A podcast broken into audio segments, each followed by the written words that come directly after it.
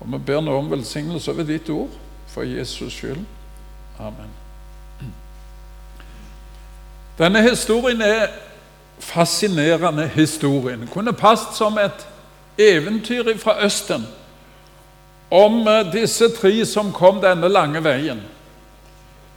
Situasjonen er jo den at Jesus og Maria de er stadig i Betlehem. De, jo ikke, de bodde jo ikke i Betlehem til vanlig, men de hadde dratt denne lange turen ned ifra eh, Nasaret pga. folketellinga. Og bare det å tenke seg at eh, de siste ukene Maria, eh, før hun skulle fø, så satt hun på eselryggen og reiste en distanse som i luftlinja er iallfall eh, strekningen Stavanger-Flekkefjord. Opp og ned hauger og stein og ur. Og, så det tenker jeg var en strabasiøs tur. Så kom de da til Betlehem. Der var ingen ledige rom. De måtte søke tilflukt i denne stallen. Hvor lenge de ble i stallen, det vet vi ingenting om. Men det er jo nærliggende å tenke seg at eh, de så snart som mulig fant seg et annet husvære. Um, når det står om uh, disse vismennene, så ser vi ofte tegninger eller uh, bilder om at de kom til stallen. Men det står det faktisk ingenting om. Det står at de kom til det sted eller det huset der Maria og Jesusbarnet var. Det er også litt interessant å lese historien i Bibelen og sammenligne den med tradisjonen, den oppfatningen som vi har av denne historien.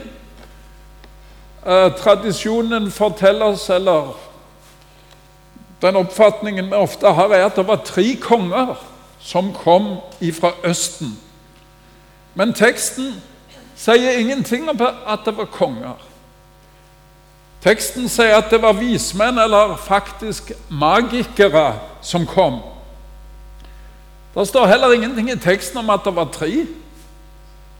De hadde med seg tre sorter gaver gull, røkelse og murra.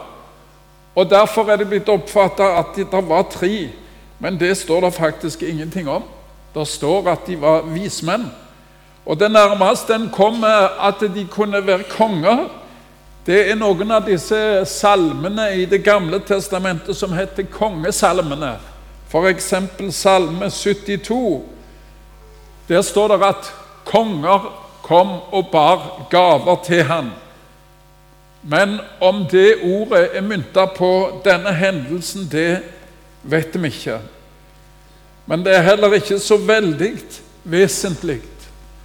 Men det som er underlig, er å tenke seg om og se at eh, der i Østen sitter altså noen menn som eh, ser ei spesiell stjerne, og de tolker det som at det var en stor jødisk konge som var født.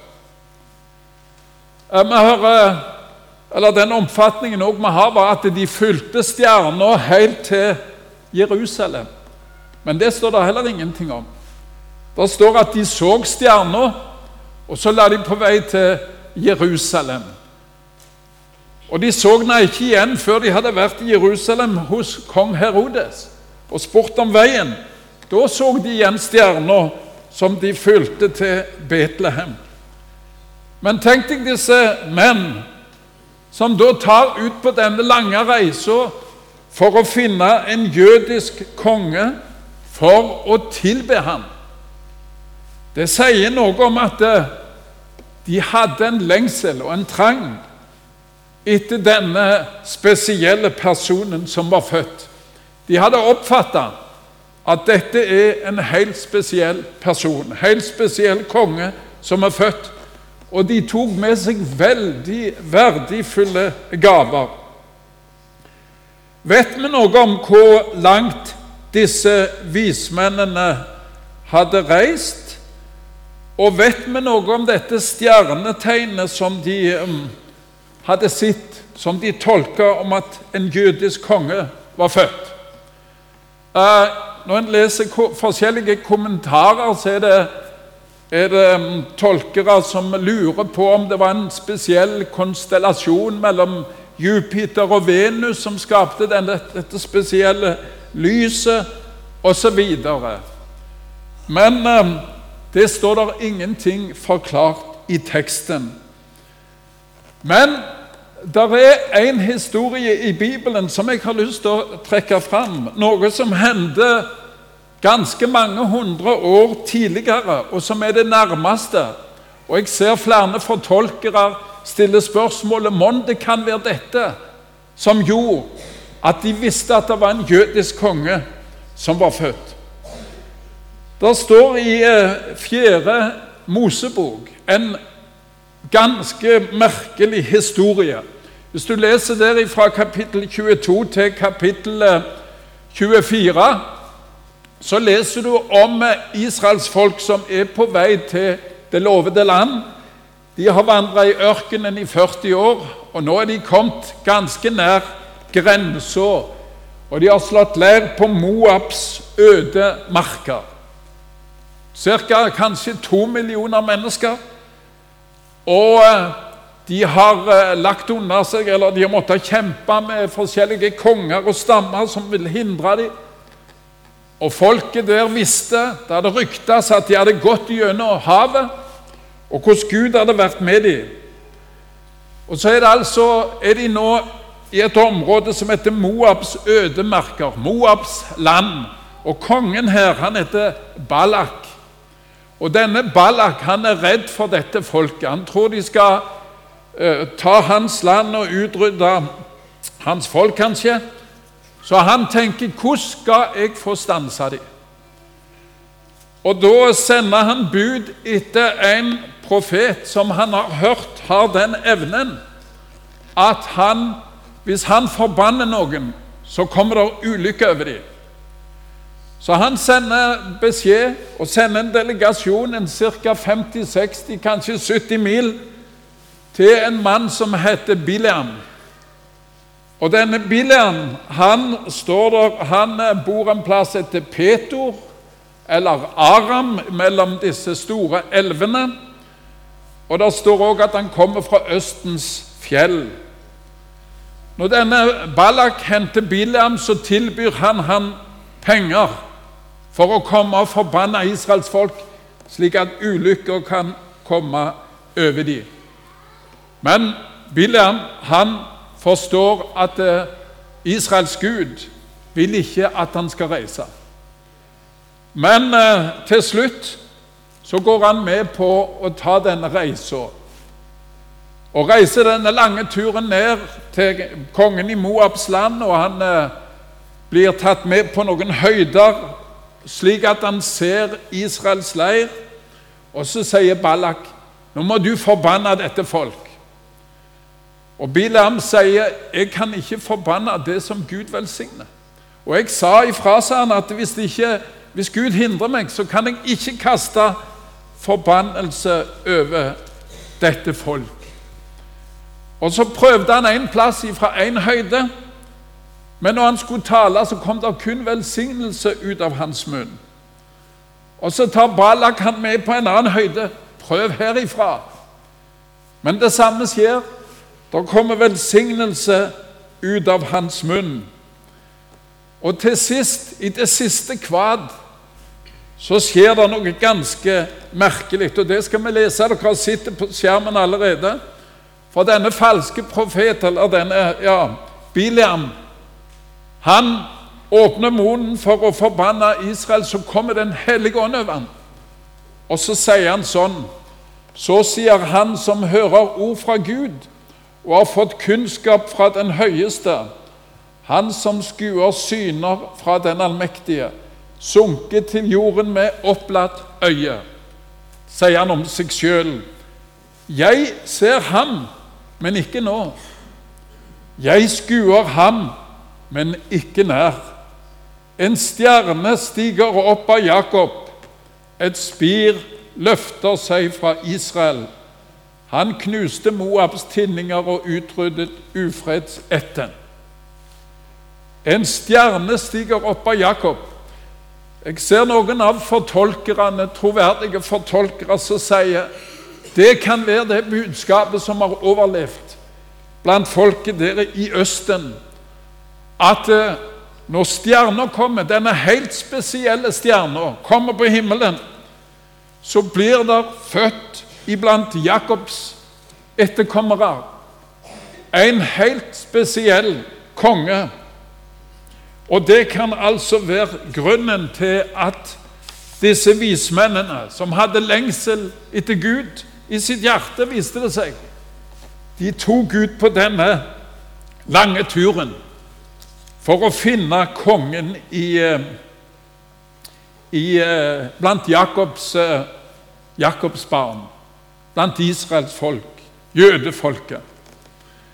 Og dette med at Jesus blir sammenlignet med ei stjerne, det sier han faktisk sjøl òg. I åpenbaringen 22, det siste kapittelet i Bibelen, i vers 16, der sier Jesus om seg sjøl Først sier han at 'jeg, Jesus, har sendt min engel for å vitne for dere i menigheten'. Altså hele åpenbaringens bok er for menighetene. Så sier han 'Jeg er Davids rotskudd og ett, den klare morgenstjerne'. Morgenstjernen, den som kommer på himmelen før det, rett før det begynner å lysne, men òg når natta er mørkest. Da kommer morgenstjernen på himmelen. Så sier Jesus at den virkelige morgenstjernen, det er meg. Og Ellers ser en jo ofte i Skriften at engler blir kalt for stjerner. Men den egentlige, den største stjerna, morgenstjernen, det er Jesus sjøl. Og Det er tydelig å se i Bibelen. Har mange historier om at helt ifra skapelsen så er det en lengsel nedlagt i menneskenes hjerte. Og det um, ser en tydelig skreven f.eks. i Predikantens bok, kapittel 3, vers 11. Den første del av det verset, der står det Alt har Gud gjort skjønt i sin tid. Også evigheten har Han lagt ned i deres hjerte. Det er ett trekk som er felles for alle folk, selv om de er de mest primitive og de mest avgjemte folk på jord. Og det er at eh, med døden så er det ikke slutt. Det er noe som kommer etter døden. Og I møte med primitive folk så har vi òg hørt at de lurte på det og lurer på det hva kommer etterpå? Hva kommer etterpå? Det er menneskene overbevist om, for Gud har lagt ned i hjertene våre at døden er ikke det siste. Faktisk, av det som jeg har prøvd å finne ut, så er det bare ateistene og humanistene i den vestlige verden, de som en gang visste og kjente Gud, det er bare de som får til å tro at dette livet er slutt med døden. Prøv å forkynne det i Afrika, at det er ingenting etter døden. Så vil de riste på hodet og si nei, det er primitive holdninger. Vi vet alle at det er en Gud. Og tilbedelsesritualer og utskårne bilder rundt om i primitive stammer taler om at alle vet at det er en Gud. Og Leiden en gjennom hele Bibelen, så ser en det at allerede den første familien etter fallet i første Mosebok, så ser vi det at de begynte å tilbe Gud. De begynte å tilbe Gud. Og så ser en f.eks. folk som kvinnene Rahab og Ruth, som forlot sine egne folk. For de fikk en overbevisning om at Israels Gud er den sanne Gud. Og så var de villige til å forlate sine folk for å følge Israels Gud, og for å fylle hans folk. Og I Det nye testamentet ser vi òg Blant annet står det i Apostlenes gjerninger 8 om en som kom helt ifra Etiopia. En hoffmann. Mange, mange mil, kanskje fire timers flyreis, men han kom jo med hest og vogn for å komme til Jerusalem for å lete etter den sanne Gud. Og så har en òg Kornelius, leser en om i Apostlenes gjerninger, en romersk høvedsmann som visste at det er Israels Gud som er den sanne Gud. Og når han fant han, så fant han det hans hjerte lengta etter. Og alle disse var av hedningefolk. Til og med de vise menn var av hedningefolkene. Som er en stor trøst for oss som er blant hedningefolkene, at Jesus kom òg for oss. Og at den lengselen som vi òg har i våre hjerter, den blir tilfredsstilla med et møte med Israels Gud. Han er ikke bare for israelittene eller for jødefolk, han er alle verdens frelser.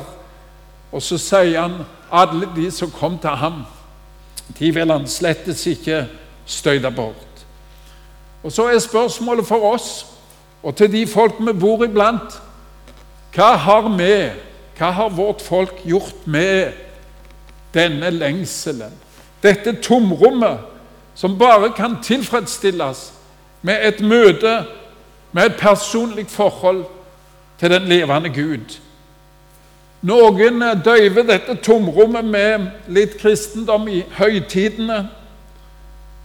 Ehm, men Jesus han vil ha et personlig forhold til oss mennesker.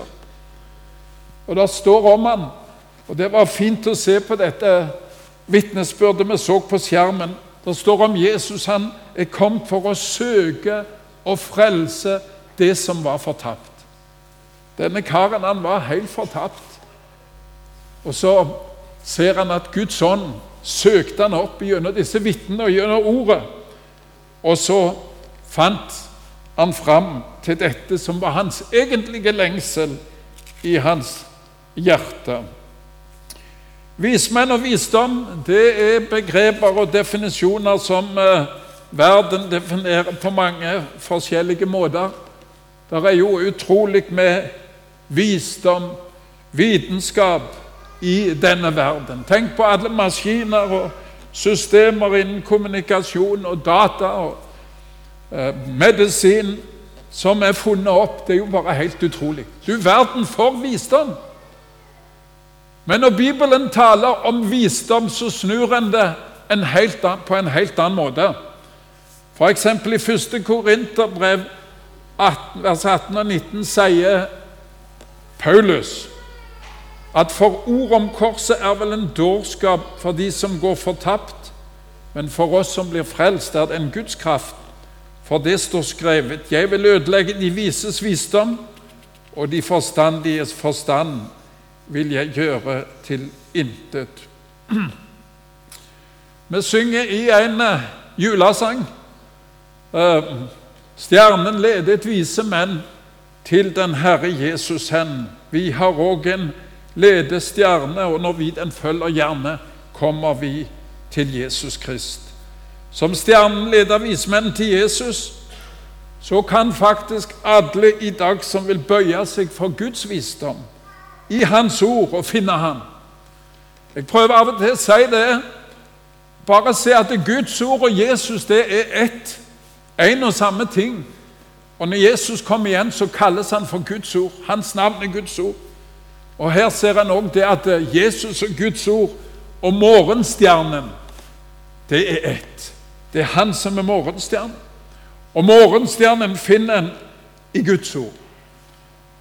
Et par ord om eh, resten av denne avslutningen av denne turen til de vise menn. De kom altså til Israel og tenkte vel som så Hvis det er en konge som er født, så må han jo være med kongens slott i Jerusalem. For der bodde han som hadde blitt gitt tittelen 'jødenes konge' av romerne, kong Herodes. Han var ikke jøde, han var edomitt. Mor hans var egyptisk prinsesse, og han hadde fått tittelen 'jødenes konge'. Og han var styggelig mistenksom. Han hadde drept kona si og sine sønner, for han ville ikke ha noen utfordrere til si kongetrone. Ikke å undres over at når han hører hvor er jødenes konge som er født? Da fikk han panikk. Jødenes konge, det er jeg som er jødenes konge. Og han kalte sammen hele den teologiske ekspertise og de skriftlærde for å finne ut står det noe i de jødiske skriftene om en konge som skal bli født. Og så sier forskerne, skriftforskerne ja, det står i Mikas bok at i Betlehem skal han bli født. Og så eh, ser vi det at Herodes sier til vismennene når dere har funnet han, så eh, kom og rapporter til meg, for da vil jeg òg tilbe ham. Nå eh, går tida mi, og jeg skal ikke ta med alt det som jeg har forberedt her, for en kan spørre seg sjøl hvorfor dette hatet. Og er dette hatet noe mer enn bare et, en sykelig konge sitt hat? Og Da vil jeg fortelle dere i Åpenbaringen kapittel 12. Der står det faktisk svar på det spørsmålet. Nå skal vi ikke lese de versene, det vil ta for lang tid.